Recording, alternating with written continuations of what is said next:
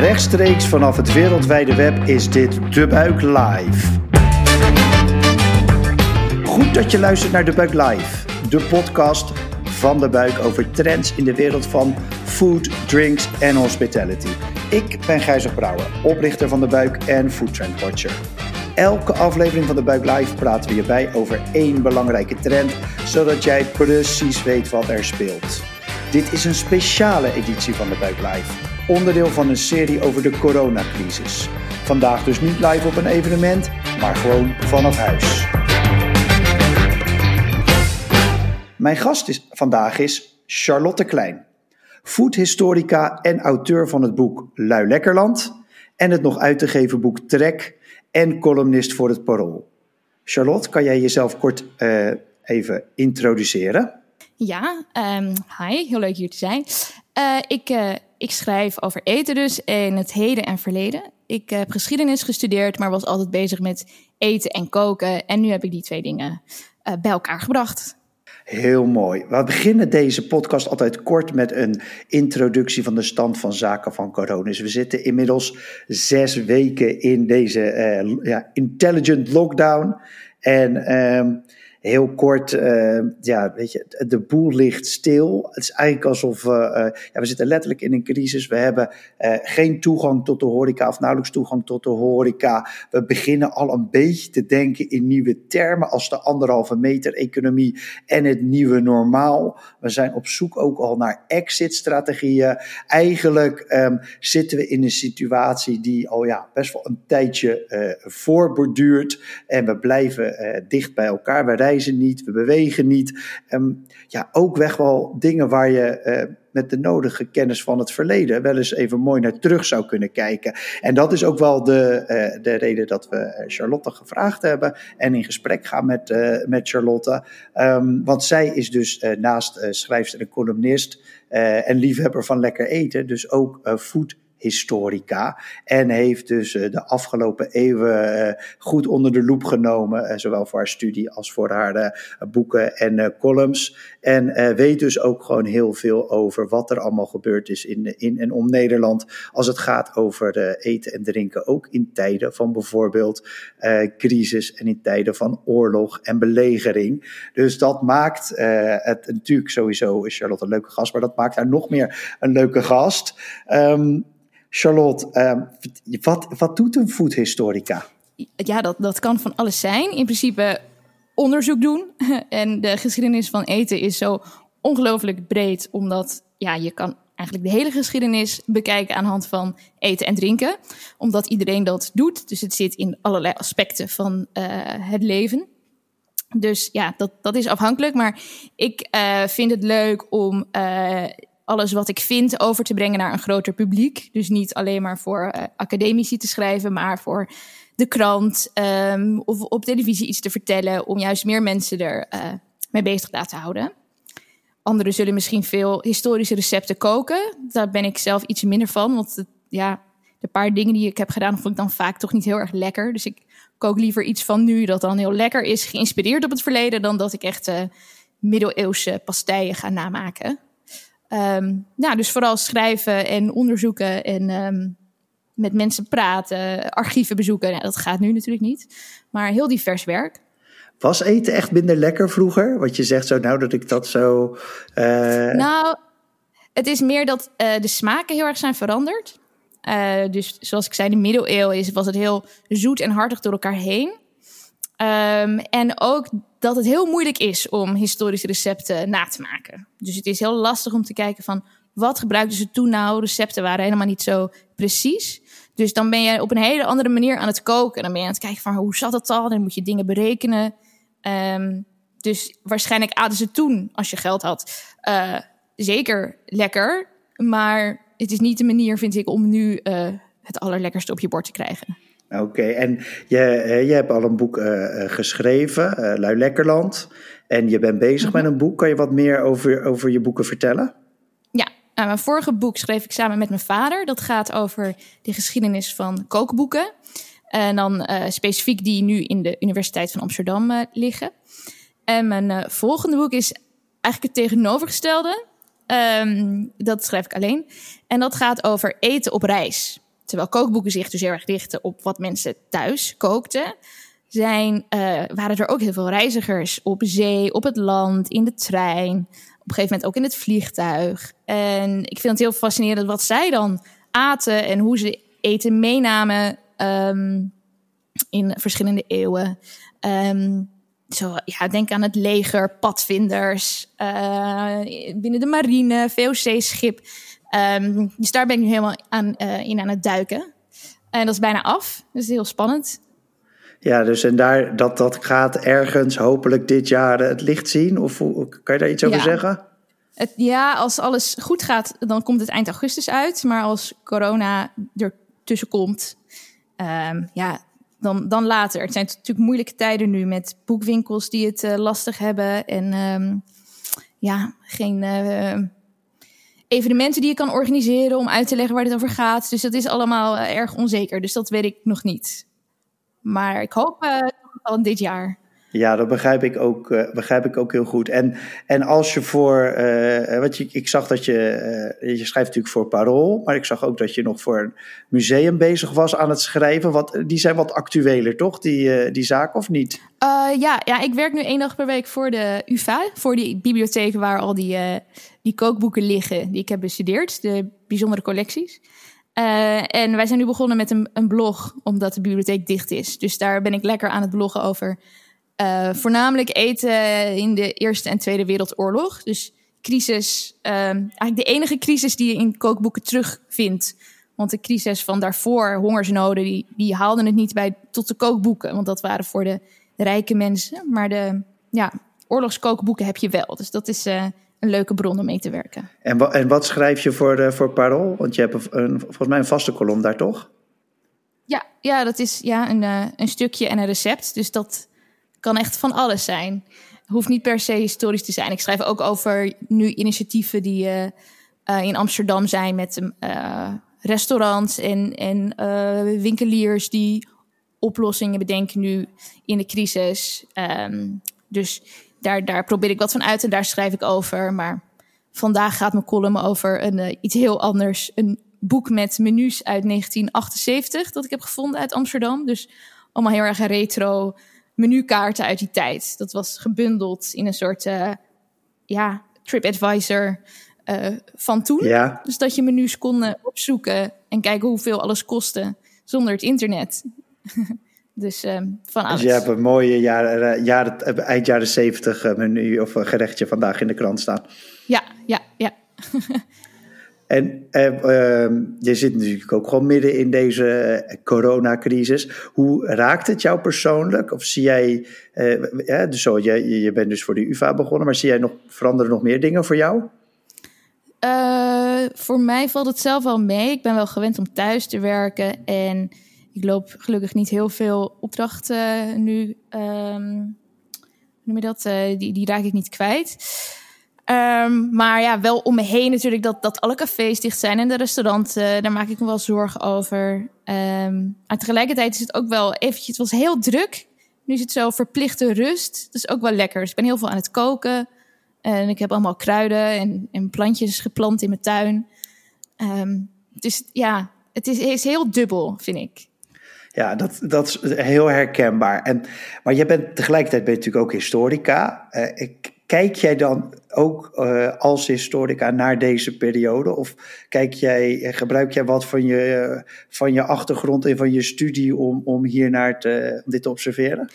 Ja, het eerste wat ik na de eerste week al uh, dacht ik, oh, ik wil weten hoe dit in de andere epidemieën, tijdens andere epidemieën ging. Dus um, toen ben ik er wel ingedoken. En toen heb ik, nou, met geloof ik de helft van Nederland, heb ik Decamerone gekocht het boek van Boccaccio uit uh, 13, uh, was het? 1353. Dat speelt zich af in de pestepidemie in Florence. Dat is nu iedereen aan het lezen. En ik ging daarnaar op zoek naar wat er over eten en drinken wordt gezegd. En zo ben ik wat meer in die tijd gaan duiken. En ook over andere crises voor die blog en voor het parool. Dus dat vind ik wel heel interessant. Het is niet dat ik het meteen allemaal wist, maar ik wilde het wel weten. Dus ik ben het gaan uitzoeken. Nou, dat is wel gelijk een hele mooie uh, uh, bruggetje dan. Van, wat kwam daaruit? Wat, wat, kwam, wat, wat is jou opgevallen uit al die uh, bestuderingen van jou? Nou, het is sowieso opvallend dat er meer te vinden is over oorlog en belegerde steden. Um, dat had meer effect op het eten en drinken dan een epidemie. Vooral omdat, um, als we het even nu hebben over de pest in de middeleeuwen. In die tijd waren de moderne uh, opvattingen over gezondheid, die bestonden niet. Dus men wist niet dat besmetting ontstond doordat mensen dicht op elkaar zaten. Uh, men geloofde dat uh, dat door vervuilde luchten kwam. En die luchten die waren vervuild doordat bijvoorbeeld ergens lijken lagen of ergens viezigheid. Dat maakte de lucht dan vies en dat verspreidde die ziekte. Dus ehm, mensen bij elkaar waren niet zozeer een probleem. Markten bleven gewoon bestaan. de, de herbergen bleven gewoon open. Um, en wat ook um, hierbij bijdroeg, is dat het vooral in de steden was dat die ziektes zo erg verspreiden. En op het platteland was het wat minder. Dus de voedselproductie kon gewoon doorgaan. En als je de pest overleefde, als je tot die twee derde van de bevolking hoorde, dan had je het na de epidemie eigenlijk wel beter. Er, was, uh, ja, er waren minder mensen, dus de, de, de, lonen werden hoger en er was ook meer eten beschikbaar. Dus het dieet werd ook beter voor de overlevers. Dus het uh, werkt op eigenlijk een hele andere manier uh, dat eten en drinken dan tijdens oorlogen. Waarin wel echt een tekort aan eten kan komen. Vaak zo is. Uh, zal ik gewoon even lekker door of wil je wat vragen? Nee, nee, ik ben wel, ik ben wel wat je eigenlijk zeg je dus van uh, uh, als er pest was in het verleden, ze, ze, wisten het eigenlijk niet zo goed, zeg je. Um, en het, de mensen die het overleefden hadden eigenlijk gewoon het daarna beter en meer te eten. Dus voor bijvoorbeeld wat er geserveerd werd in een herberg of wat mensen thuis kookten, veranderde niet zoveel. Niet zozeer. Ik denk ook dat op het moment dat er echt heel erg paniek was, waar um, ja, dan, dan, dan, dan gaat het meer over overleven. Dus dan zullen mensen niet zo erg hun best hebben gedaan om te koken. Maar wat uh, Boccaccio schrijft over de pest in Florence, is dat er eigenlijk twee soorten mensen kwamen de mensen die dachten van ik, ik, ik moet nu heel erg uh, devoot gaan zijn. Het is straf van God. En die gingen dan, uh, even kijken hoor, even het citaat zoeken. Die gingen een heel oppassend en sober leven leiden. dus ze maakten zeer matig gebruik van uitgelezen spijzen en edele wijnen. Dus dan gingen ze bijvoorbeeld alleen maar water en brood, hè, want het was een straf van God. En ze vermeden elke vorm van wellust. Terwijl er ook een groep was die een beetje zag van, nou, het is het einde der tijden.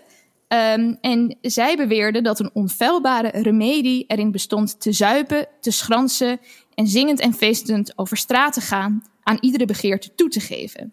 Een beetje een vak uh, coronafeestje. Ja, ja, precies. Um, dus ja, dat, dat werkte blijkbaar beide kanten op. En ik heb ook gevonden dat in uh, Nederland, in vroegmodern Amsterdam, dus, 16e, 17e eeuw, uh, dat het een gebruik werd om na de begrafenis van een pestslachtoffer een lijkmaal te organiseren met veel leedbier. En dat liet dan vaak zo erg uit de hand dat het uh, de uitdrukking uitvaart, zuipvaart in zwang raakte. Dus ook hier dronk uh, iedereen zich helemaal te pletter tijdens ja, de pest. Uh, dus het, het is, dat kan je bijna dus niet na, uh, laten. Misschien, ik kan dat niet. Ik weet niet of dat uh, historisch heel verantwoord is. Om, maar om dat dan gelijk met nu te vergelijken. En zeg van oké, okay, dus mensen gaan soberder leven. Dus dit zijn de mensen die ineens heel, heel, heel vegetarisch en keurig gaan koken thuis. En hard gaan sporten en veel yoga gaan doen. En dan heb je dus mm -hmm. mensen die er echt van genieten. En dat zijn de, die, die het lekker vinden om wijn op een balkonnetje te drinken. En al het lekkers te laten halen. Ja, ja, nou ja, dat, ja. kijk, je, ik vergelijk ook. Je hoeft, je hoeft niet. Ja, het is een totaal andere situatie, maar ik zag ook inderdaad die parallel. En uh, ik, ik hoorde ook al allemaal mensen, ja, dat uh, Dry January, dat zijn we ook al lang weer vergeten. Iedereen uh, die, die slaat lekker de wijn in en de, en de biertjes. Ja, inderdaad, beide kanten op, hè. En, en het tweede wat, jou, wat jij bestudeerd hebt, wat natuurlijk ook leerzaam kan zijn en, en interessant is sowieso om te horen, zegt tijdens belegeringen, eigenlijk als er dus steeds verder, uh, uh, verdere tekorten kwamen en ook wat ja. vaak, misschien, ja, ik weet niet, hoe lang duurde een, een, een, periode van pest? Dat duurde toch ook altijd wel eventjes? Dat was niet even een paar weken en weer voorbij, toch? Nou, dat, dat, dat ging juist wel uh, zeer snel. Oké. Dat uh, ja, in een, in een paar maanden. Ik weet het niet precies, maar dat, dat wisselde natuurlijk ook. Je had heel veel verschillende pestepidemieën. Maar dat, dat ging toch wel snel dat het zich verspreidde. Um, maar inderdaad, zo'n ja, belegerde steden. ik kwam hierop omdat ik opzoek zocht hoe oud het fenomeen hamsteren is. Ah. Um, en dat, uh, dat stamt uit de Eerste Wereldoorlog. Het was een Duits begrip. In Duitsland was iedereen uh, aan het hamsteren geslagen door de tekorten tijdens de oorlog. En daar waren toen ook Nederlanders aan begonnen. En om dat te voorkomen tijdens de oorlog erna, werd in 1939 de prijsopdrijvings- en hamsterwet aangenomen. Dus, uh, dus er bestaat in Nederland een hamsterwet. Die wordt nu alleen niet ingezet omdat ja, omdat het dan lijkt dat er tekorten zijn. Maar dat is helemaal niet zo nu. Um, maar het, het, zou dus kunnen, ook op speciale producten als uh, wc-papier. Zou je daar een wet um, ja, in kunnen voeren.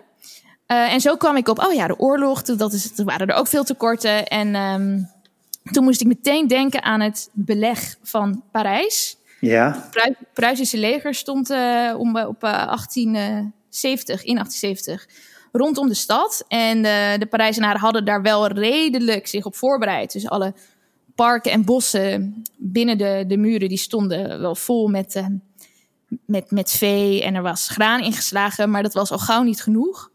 Um, dus uh, paardenslagerijen werden geopend. En de honden, ratten, katten, kraaien en muizen gingen er ook al snel aan. Maar als je geld had, dan kon je iets heel bijzonders eten. Op de eerste kerstdag 1870. Namelijk jak, zebra en olifant uit de dierentuin. Want daar Oh, was ook joh. geen eten meer voor. Ja. Ehm, dus dat werkte. Nou, er is een menukaart en we weten niet zeker of die eh, echt is. Of dat iemand in die tijd het ook al zo belachelijk vond dat hij er een, nog een eh, soort persiflage op had gemaakt. Maar daar staan dingen op als eh radijsjes, sardientjes, gevulde ezelskop, olifantenconsommé, geroosterde kameel à l'anglaise, kangoeroestoofpot, eh wolvenbout met reesaus, antilopenterrine, et cetera, et cetera, et cetera. Oh, dat klinkt wel inderdaad letterlijk en figuurlijk exotisch. Ja, ja. Ehm, en die, trouwens, die honden en die eh, katten en ratten, dat komt eh, bij elk eh, verhaal over een langdurig beleg tegen. Ook in Calais, in ehm, ergens begin van de Honderdjarige Oorlog in de middeleeuwen. En, en ook het beleg van Leningrad. Dat was vier jaar. Dat is een hele Eh, beroemde. Dat is een hele beroemde. Ja, dat was ook echt de vreselijkste.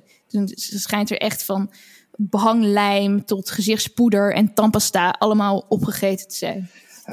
Dan valt eh, ons eh, beleg zo zes weken in, eh, in quarantaine nog best mee eigenlijk. Ja, ja. We hebben natuurlijk al ons eten, al ons. we hebben nog overal toegang toe. Wat ik interessant vind, dat jij kijkt natuurlijk echt wel vanuit een heel anders perspectief dan veel anderen hiernaar. Heb jij nou nog het idee dat er dingen nodig zijn? Of dat er moet er beter geschreven worden over wat we allemaal meemaken? Of zou de overheid iets moeten verordoneren? Of het inzetten van bepaalde wetten of wat dan ook?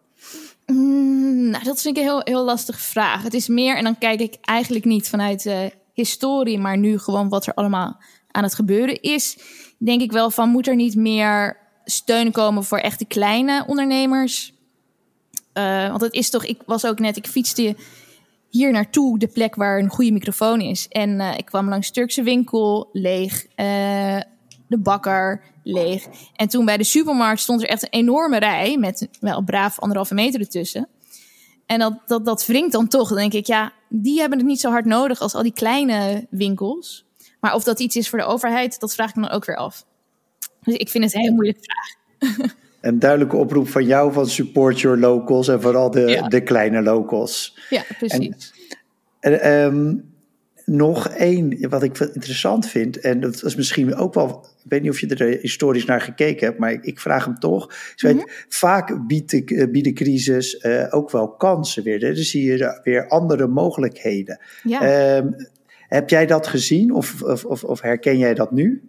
Ja, ja, je, dat, ja, een beetje wat ik ook net zei. Ik bedoel, er zijn ook een heleboel mensen juist die nu dat, uh, hè, de locals supporten. En je hebt nu opeens heel veel uh, dozen van direct van de boer of van de winkels in de buurt, waar sommige partijen echt al jaren voor aan het strijden waren. Van laten we meer lokaal kopen, meer directe handel. En nu is dat echt binnen no time gelukt. En mensen kopen die, die boxen echt massaal. Dus het zou heel mooi zijn als het dan ook zo blijft. Dat het niet straks weer helemaal naar pre-corona gaat. Ja, een hele mooie. En je, je gunt me ook een geweldig bruggetje naar mijn ene laatste vraag. um, een hele aparte vraag, denk ik wel, voor, uh, om aan een historica te stellen. Maar hoe kijk jij naar de toekomst? Hè? Dus van pre-corona naar post-corona? Ja, het, uh, ja het, ik vind dat altijd zulke moeilijke vragen.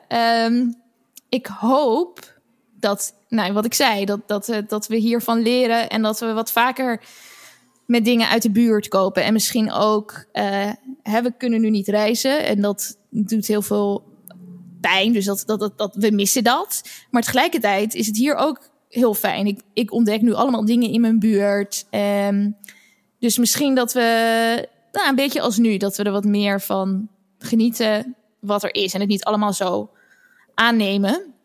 Maar ja, dat is een hoop. Hè? Ik weet niet het is ook alweer heel erg des mens om niet te leren van wat we van het verleden. Dus ja, we gaan het zien.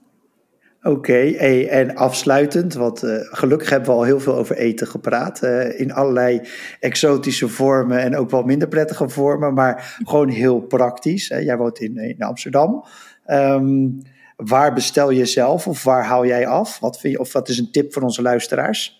Uh, ik woon in Amsterdam Noord, dus ik ben wel een beetje afgesloten van veel uh, uh, restaurants die nu hele bijzondere dingen doen. Um, maar er zit wel het een en ander bij mij in de buurt. Um, ik kook vooral heel veel. Ik heb denk ik één keer afgehaald. En ja. ik heb gisteren frieten gehaald. Dat was ook lekker. Um, ik heb heel lekker Indonesisch gehaald op de Van der Pekstraat. Maar wat ook een ontdekking was, ik had eindelijk echt de tijd om naar uh, de Aziatische supermarkt te gaan. Waar het allemaal heel ruim was opgezet. En alles helemaal ontsmet. En daar heb ik echt drie kwartier rondgelopen en alles bekeken. En toen heb ik heel vaak daarmee gekookt. Dus, um, en waar zit die? Die zit op het Buikslotermeerplein. Oké, okay, nou dat klinkt als een super tip. Dus uh, dank je wel daarvoor, Charlotte. Ja, en leuk dat je hier was.